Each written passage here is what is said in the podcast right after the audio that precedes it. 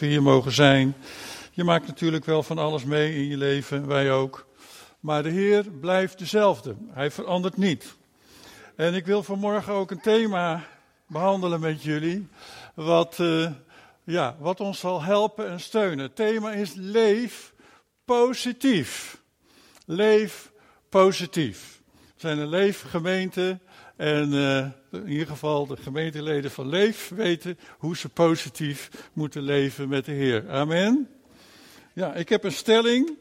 Ik durf te zeggen dat de christenen, zij die Jezus kennen, behoren tot de meest positieve mensen op aarde. Durven jullie daar amen op te zeggen? Nou, dan gaan we dus dat wel even met elkaar even behandelen. Om te kijken of we dan straks nog amen kunnen zeggen. Ja, want ik merk zelf wel in mijn leven, en waarschijnlijk jullie ook, dat er soms situaties zijn in je leven. En dat gebeurt, en zeker het afgelopen jaar is dat ook zo gebeurd. Dat je dan dat wel eens een beetje uit het oog verliest. Hè? Dat je gaat leven vanuit omstandigheden. Omstandigheden die soms teleurstellen omstandigheden die moeilijk zijn, dingen die gebeuren in je leven en dat je plotseling je focus uh, daardoor afgeleid worden. En dat je plotseling gaat kijken vanuit die moeilijkheden naar het leven. En dan is soms het positieve wat wij hebben ontvangen in de Heer Jezus Christus, is dan even zoek. Positief denken heeft een kracht en daar wil ik het niet over hebben. Ik wil het niet hebben over de kracht van het positief denken. Ik ga het straks wel eventjes over hebben. Maar uh, negatief denken heeft ook een kracht. Dat weten wij. He, en, en, en wij hebben natuurlijk gezien wat voor explosie aan, aan ideeën er over, eh, via, via de media en zeker ook de social media op ons af is gekomen de afgelopen jaar. En ik ben er verbaasd van, en Corrie en ik hebben het ons echt over verbaasd, hoe vaak ook christenen meedoen met een hoop negativiteit. En dan denk je van, wow, en wat voor invloed heeft dat niet, hè? Hoe, wat voor invloed heeft, niet, heeft dat niet? Nou, als we het boek Exodus lezen, in het boek Exodus, dan zien we eigenlijk de reis van het volk van Israël uit Egypte. Worden ze bevrijd. He, Mozes is hun leider. En worden ze bevrijd van de onderdrukking van de Egyptenaren. Dat kunnen we allemaal teruglezen in het boek uh, Exodus. en ze gaan op reis naar het beloofde land. Maar gelijkertijd zien we in hen de kracht van negativiteit. Want ze waren met enkele honderdduizenden, kun je je voorstellen, honderdduizenden mensen die door de woestijn moesten uh, trekken. De wolkolom voor hen en ook achter hen, uh, de vuurkolom.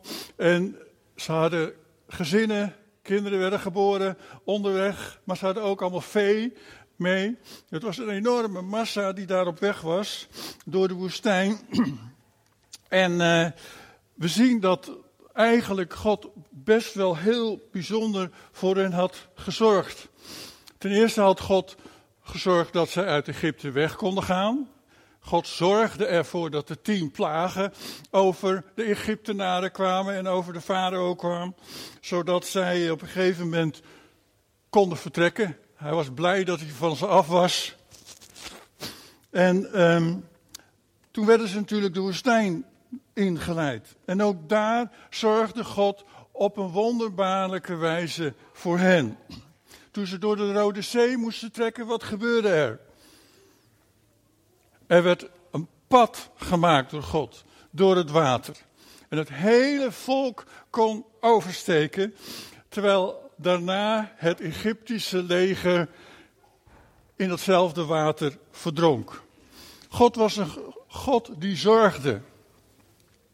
En uh, toch zien we dat ondanks dat God een God was die zorgde, het volk momenten kende. En die momenten komen soms ook op ons af dat wij het eventjes niet meer zien zitten. En dat gebeurde ook bij hen. Zij begonnen regelmatig te morren. Ik hou van de NBG-tekst. In dit geval, daar staat dat ze murmurieerden, murmurieerden, murmurieerden. Nou, dat betekent mopperen. Ze mopperden op de dingen. Negatief begonnen ze te praten. Hadden we, waren we maar in Egypte gebleven, bij de vleespotten waar we het zo goed hadden. Weet je nog wel?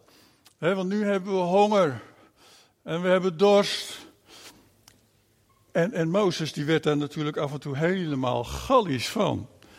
Ik hoop niet dat de voorgangers daar uh, soms mee te maken krijgen, maar, uh, maar in ieder geval, God zorgde toen ook. Toen hij dat gemopper van hen hoorde, liet hij manna uit de, de hemel komen. Hè? Dat was dus brood in de ochtend en kwakkels, vlees in de avond. En eigenlijk lezen we dat ze dat elke dag kregen, de hele tijd dat ze door de woestijn trokken. Beetje eenzijdig misschien wel, maar eh, er werd voorzien door God in hun leven. En toen ze dorst hadden, op een gegeven moment, en, eh, en ze daarover begonnen te klagen en te mopperen en te zeuren en te teuten, liet God water uit de rots komen. Maar ze bleven klagen.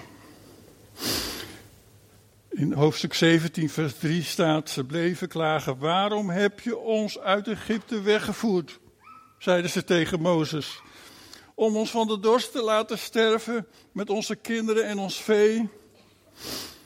En Mozes die zei: Wat moet ik met dit klagende volk beginnen?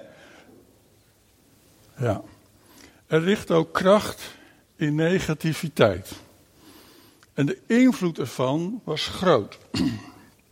Ze klaagden en mopperen, mopperden en ze kozen ervoor om vanuit het gezichtspunt van de moeite en van de problemen naar het leven te kijken. En wat lezen we dan? Was God daar blij mee met dat gedrag? Nee, ik lees daarover in nummer 14, vers 11, dat God daar vreselijk gefrustreerd over was. En ik vraag me soms wel eens af hoe God kijkt naar onze tijd van nu. En naar natuurlijk de hele wereld die, ja, die eigenlijk best wel door heel veel moeite heen gaat. Laten we dat niet vergeten en dat moeten we ook gewoon herkennen. Maar hoe, vanuit wat leven wij, lieve mensen, als kinderen van God?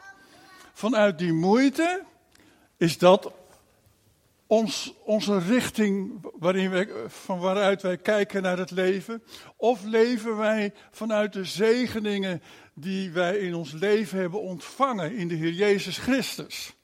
Leven we daar nog uit? Kunnen we dat nog zien? Hebben we nog, ik hoop in de oudjaarsdienst of in ieder geval thuis, dat je misschien oudjaar vierde, dat je nog even teruggekeken hebt en ondanks alle problemen die op ons afgekomen zijn, toch nog je zegeningen hebt kunnen tellen.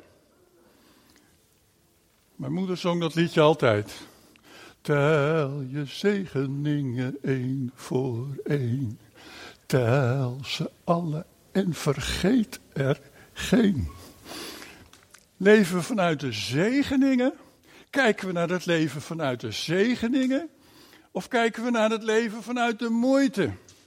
Dat is een verschil. En ik kan je vertellen dat als je tegen mensen aanloopt. Ze zeggen wel eens: alle mensen hebben een glas melk in hun hand. En uh, waar je tegenaan loopt, dat krijg je over je heen. En als je tegen negatieve mensen met een negatieve kijk op het leven aanloopt, ook soms christenen, dan krijg je dat over je heen. Nou, daar word ik niet vrolijk van. Mensen zoek ik ook niet op. Word ik niet blij van. Maar God was er ook niet blij van. Want we lezen in nummer 14, vers 11 de volgende woorden. En dat is eigenlijk de tekst van deze morgen. Waarin hij tegen Mozes zijn frustratie uit. God uit zijn frustratie tegen Mozes. Hij zegt: Hoe lang zal dit volk mij nog afwijzen? God voelde zich afgewezen. Kun je dat voorstellen? Wij hebben het wel eens over dat we ons afgewezen voelen. Maar God voelde zich afgewezen. Hoe lang zal dit volk mij nog afwijzen? Hoe lang nog zal het weigeren op mij te vertrouwen. Ondanks alle wonderen die ik verricht heb. Lieve mensen, van waaruit leven wij? Vanuit de zegeningen kunnen we, hebben ze nog onthouden? Weten we nog wat ze zijn? Of leven wij toch meegesleurd door wat er om ons heen gebeurt vanuit de moeite? Ik geloof diep in mijn hart dat christenen horen ook in deze coronatijd tot de meest positieve mensen in deze wereld. Amen. Echt waar. Nou, je kunt natuurlijk heel gemakkelijk zeggen van ja, maar goed, ach, dat volk van God, die Israëlieten, die, eh, die faalden gewoon af en toe in hun geloof. Hebben wij ook wel eens, en ook in hun dankbaarheid hebben wij ook wel eens. We herkennen dat natuurlijk wel. En we herkennen dat misschien ook wel als momenten van misschien wat ongeloof. Hè? Door de stress van de omstandigheden. Dan zien wij plotseling Gods plan niet meer in alle dingen. Kun je Gods plan nog zien in deze tijd? Kun je Gods plan nog zien voor jouw leven? Ondanks alles wat er over ons heen is gekomen, kun je dat nog steeds zien? Als je dat niet meer kunt zien, dan zie je ook niet meer de mogelijkheden die God wil geven te midden van deze omstandigheden. Dan laat je Gods mogelijkheden, alles is mogelijk bij Hem, toch? Amen. Laat je wegroven door de omstandigheden, door die negatieve blik erop. Weet je, als we zo gericht zijn soms op ongemakken, en die, dat krijgen we soms, hè. Corrie Nixon ook ziek geweest, en uh, uh, zowel uh, Corrie natuurlijk en ik, jaren geleden. Dit jaar waren we ook op een gegeven moment weer ziek en zo ongemakkelijk als wat. En wij moesten ook drie weken in een quarantaine. Ja, lastige toestanden allemaal. Wat er dan op je afkomt. Allemaal ongemak, ongemak, ongemak. En als je van daaruit gaat leven, dan ontneem je eigenlijk God de mogelijkheid om dwars tegen die ongemakken in zijn plan te volvoeren in jouw leven. Want hij gaat gewoon door met zijn plan te volvoeren. En hij laat alle dingen medewerken ten, ten goede. Ja, wel de hoop voor morgen, de hoop voor morgen, kan zomaar teniet gedaan worden door het ongemak van vandaag. En het is maar net van waaruit je wil leven. Wil je leven vanuit die hoop die we hebben in Christus? Maar goed, het volk van God moest de consequenties wel aanvaarden die er uh, verbonden werden met hun gedrag. uh, en ik denk dat keuzes die wij maken in ons hart, in ons denken, en uh, ten aanzien van de, de, omstandigheden waarin we leven, ook bepalen en ook veranderen onze toekomst onze uitkomst in dit leven. De uitkomst voor dit leven. De uitkomst waaruit je leeft. Wat zal er gebeuren? Dat heeft nu al een consequentie voor als, zoals ik nu denk over mezelf en over de situatie. Want ik maak keuzes. En die keuzes zullen uit, op een gegeven moment de consequenties ook met zich meebrengen. Wel, het patroon bij het volk van Israël was nog steeds mopperen, oh, oh, oh, oh. Ja, mopperen, morren, klagen. Ja. En uh, ze waren hun geloof zo ver kwijtgeraakt. Dat ze op een gegeven moment gewoon weigerden het beloofde land in te trekken. Weet je nog, de twaalf verspieders? Dat verhaal? En uh, ze vergaten gewoon wat God allemaal gedaan had voor hen in de woestijn. En, en ze werden alleen maar bang geworden door die verhalen van die tien verspieders. En ze durfden niet het beloofde land in te trekken. Wat een stelletje. Wat een ongeloof. En de consequentie daaruit kwam dat ze veertig jaar lang door de woestijn moesten blijven zwerven. En dat een hele generatie zou uitsterven. Weet je, ik denk dat de wereld erachter gekomen is, en ook wij, en ook de Nederlander, dat het leven niet zo maakbaar is als dat wij wel hadden gedacht. Dat het dus toch niet zo maakbaar is. Dat wij toch niet de macht hebben over alle omstandigheden in het leven. Zoals we dachten dat we die hadden. Maar we kunnen wel nu nog steeds een keuze maken hoe wij op de omstandigheden reageren. En dat begint in het hart. Als we alleen maar kunnen klagen, mopperen, meedoen met die negatieve berichten, eh, dan leven we net als volk van God, een mopperend, klagend stelletje, ongeloof. Dan zeggen we eigenlijk, Heer, u begrijpt helemaal niet waar wij als wereld mee te maken hebben vandaag aan de dag. Heer, als dat wel zo is, dan vind ik dat u er wel een potje van maakt. Zoals wij nu met z'n allen in deze wereld getroffen worden door zulke rampen. Heer, weet u wel eigenlijk wat ik nodig heb? Denk je wel eens zo? ik denk wel eens zo hoor. Weet u eigenlijk wel, snapt u eigenlijk wel wat ik nodig heb? Heer, weet u eigenlijk wel wat we als kerk, wat we als gemeente nodig hebben? Dat is toch niet dit? We hebben wat anders nodig. En het patroon van het volk van Israël om te blijven mopperen en te klagen, zorgde ervoor dat ze uiteindelijk niet het beloofde land introkken. Wel, er is natuurlijk ook de kracht van het, de kracht van het positief denken. En dat heeft te maken met de keuze van het hart. Want zelfs als omstandigheden niet veranderen, kunnen wij vanuit ons hart, vanuit de keuzes van ons hart, toch kiezen om dankbaar te zijn. Zoals je dat mooie lied zong. Heer, ik vertrouw op u. Kunnen we te midden van alle omstandigheden van ons leven dat blijven zeggen? De Bijbel laat zien dat positieve, dankbare mensen Gods antwoord zullen vinden te midden van de puinhopen van dit leven. Te midden van de puinhopen van de moeite van jouw leven. Wat het dan ook is. Eh, niet, niet velen van ons hebben geleden, hebben omstandigheden gekend zoals de apostel Paulus. Toen hij het evangelie van Jezus Christus begon te verkondigen in deze wereld, toen maakte hij allerlei ellendige dingen mee, zoals schipbreuken. Ja, niet eentje, meerdere schipbreuken.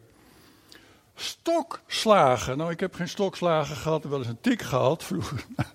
Stokslagen gelukkig niet. Allerlei problemen die van hem een cynische, opgebrande man hadden kunnen maken. En soms kom je ze wel eens tegen en dan loop je ze tegen het lijf. Denk je, wat is er met jou gebeurd? Wat is er gebeurd?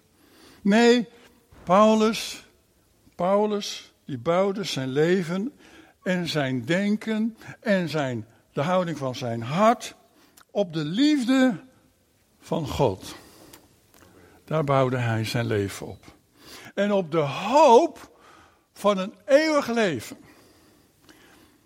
Wij hebben die geweldige hoop, die een heleboel mensen niet kennen. En zijn advies is dan het volgende tegen de Filipijnen in de uh, vertaling van de uh, gewoon Nederlands. Zegt hij: Maak je geen zorgen. En dit is mijn, ja, mijn profetische boodschap voor jullie vanmorgen. Maak je geen zorgen. Maar vraag God alles wat je nodig hebt. Bid tot God. Wat er ook gebeurt. En dank Hem. Ja? En dank Hem. Altijd. Dan zal God zijn vrede aan jullie geven. Halleluja. Dat is een vrede die geen mens ooit gekend heeft. En die vrede zal jullie gevoel moet je goed opletten, want hier staat zo mooi in de gewone taal, in het gewoon Nederlands. Die vrede zal jullie gevoel, we zijn vaak zo gevoelig, zal jullie gevoel en jullie gedachten beschermen tegen al het kwaad. Halleluja, amen. Want jullie horen bij Jezus Christus. Amen. En vrienden, zegt hij, tot slot wil ik zeggen, waar je je bezig, mee bezig moet houden. Dat helpt ook, hè, vandaag aan de dag. Waar moeten wij ons mee bezighouden? Met al die berichten die ik allemaal op mijn Facebook, Facebook krijg, wat van, over van alles gaat. Allerlei wonderlijke theorieën. Nee, hij zegt, houd je bezig met wat waar is. Alles wat respect verdient. Alles wat goed en zuiver is. Alles wat het waard is om van te houden. En alles wat eer verdient. Dat betekent in het kort, doe wat goed is. Waarvoor je respect krijgt. Houd je aan alles wat ik je heb geleerd, zegt hij. Doe alles wat, jullie, wat ik jullie verteld heb en wat ik aan jullie heb laten zien. Dan zal God zijn vrede aan jullie geven. Nou, er was in die gemeente een conflict tussen twee uh, zusters. Ik weet niet waarom het soms bij zusters begint. Het zal geen reden hebben. Maar in dit geval was het Iodia en Sintige. En die, die, die, die, die, dat conflict had mogelijk een gemeentesplitsing kunnen worden. Ja, dat wil niemand. In geen enkele gemeente. En toch zegt hij, door de voorganger, maak je geen zorgen. Amen. In de grondtekst staat, laat je niet uiteendrijven. Lieve kinderen Gods, laat je niet in verwarring brengen en uiteendrijven door allerlei zaken die langskomen. Door aan de ene kant onze hoop in Jezus Christus te stellen en aan de andere kant je zorgen te blijven maken. Hij zegt dat verscheurt je. Dat maakt je kapot. Zorgen, in het Engels ook het woord worry, betekent, het woord worry, betekent ook verwrongen. Zorgen maak je, maken je tot een verwrongen persoon. Ja, dat is wat. Geestelijk gezien is zorgen maken een verkeerd denken van je hart. Een verkeerd denken over omstandigheden. Een verkeerd denken over mensen. Een verkeerd denken over dingen. Zorgen maken, lieve mensen, is de grootste dief van blijdschap. Let maar op. Kijk maar naar je leven. Zorgen maken is de grootste dief van blijdschap. En Jezus zei: Maak je dus geen zorgen voor de dag van morgen, Matthäus 6. Want de dag van morgen die zorgt wel voor zichzelf. Elke dag heeft genoeg aan zijn eigen lasten. Weet je, zorgen maken, daar is een antidosis voor. Daar is een vaccin voor. Voor zorgen. Weet je wat dat vaccin is? Weet je wat dat antidosis is? Dat vaccin is zekerheid. Halleluja. Kennen wij die? Kennen wij die als christen? Kennen wij die als kinderen van God? Kennen wij dat? Zekerheid? Kom eens even. Amen. Dat kent de wereld niet, maar wij wel. Zekerheid. We hebben gelezen, maak je geen zorgen, vraag God alles wat je nodig hebt, bid tot God, wat er ook gebeurt en dank Hem altijd. En jullie gevoel en jullie gedachten zullen beschermd worden. Nou weet je dat 8% van alle zaken waar je je zorgen over zou kunnen maken, als dat 100% is, wat jij allemaal door je gedachten en door je hart heen en door je omstandigheden heen allemaal op je afkomen, 8% daarvan, daar kun je op een legitieme, of dat zijn legitieme zaken, waar je inderdaad zorgen over kunt maken. 92% van al die zorgen waar jij mee rondloopt en ik, zijn inbeeldingen, let goed op, die waarschijnlijk nooit zullen gebeuren, en waar jij geen invloed op hebt. Slechts 8%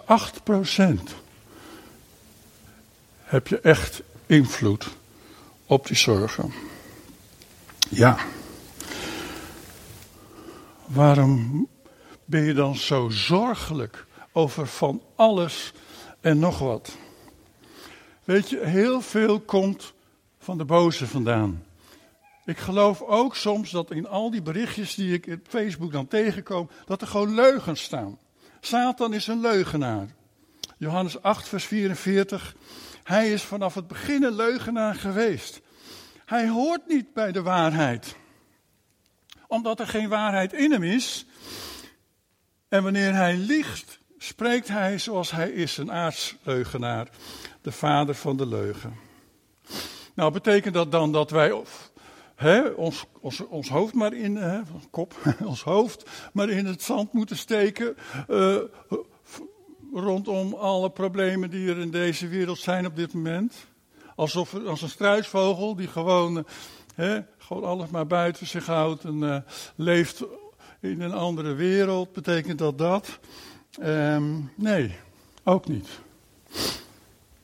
Maar dat betekent wel dat je je hart, dat je je focus, dat je de richting van waaruit jij leeft en denkt, dat dat gericht is op wat waar is. Wat is Gods waarheid? Op dat wat respect verdient. Ik zie een heleboel respectloze zaken langskomen.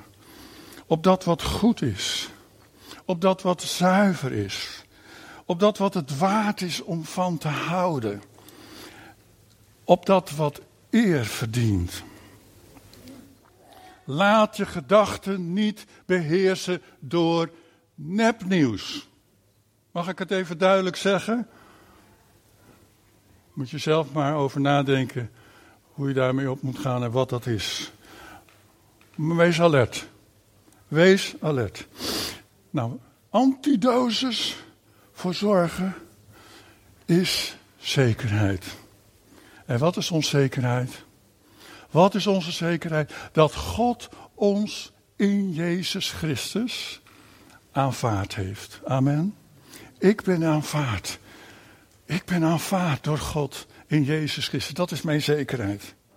In de Heer Jezus Christus heeft God ja gezegd tegen mij en tegen jou. Dat is jouw zekerheid. Jij bent een kind van God geworden in de Heer Jezus Christus. Niemand kan dat van je afpakken. En God heeft beloofd dat Hij zijn werk in ons, wat Hij begonnen is, ook zal afmaken. En daarom zegt apostel Paulus een tekst die ik kreeg deze week van uh, uh, mijn vriend in Jakarta, um, Hariagus, die hier gepreekt heeft. Hij gaf deze tekst, ik vond het zo'n mooie tekst, die, tekst geef ik door aan de gemeente in Zutphen.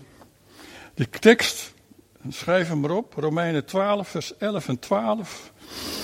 Ook zij hebben volledige lockdown, hè? al maanden in Jakarta.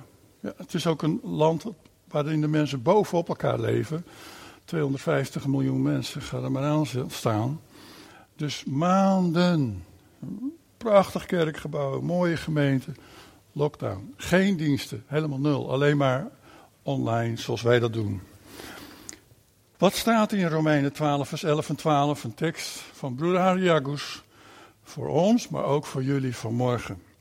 Laat je enthousiasme niet bekoelen. Amen. Maar laat je aanvuren door de geest. En dien de Heer. Wees verheugd door de hoop die je hebt. Hebben we hoop? In Jezus? Zijn we daar blij om?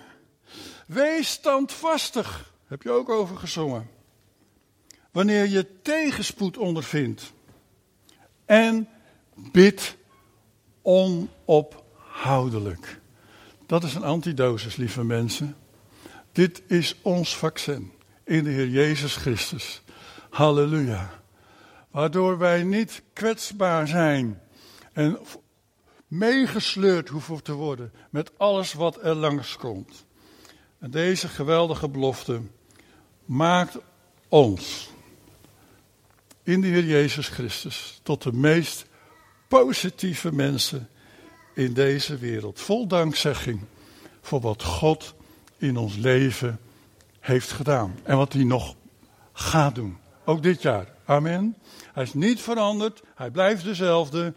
En laten we hem daarvoor danken. Vader in de hemel, dank u wel voor uw woord van morgen. En Heer, u bent zo goed.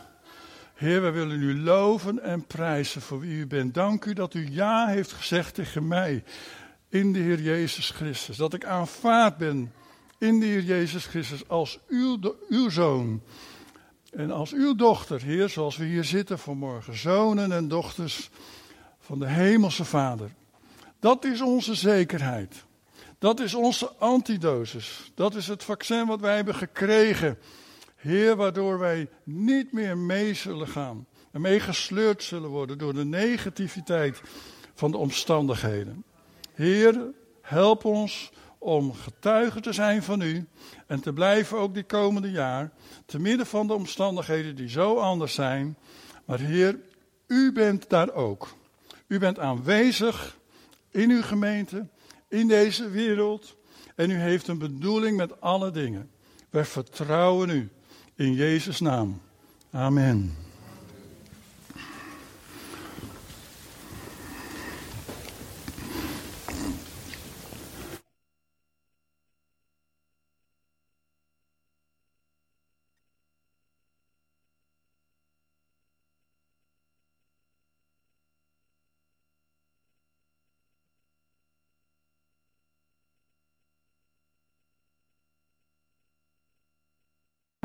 Lieve mensen thuis, we gaan uh, nog de avondmaal vieren.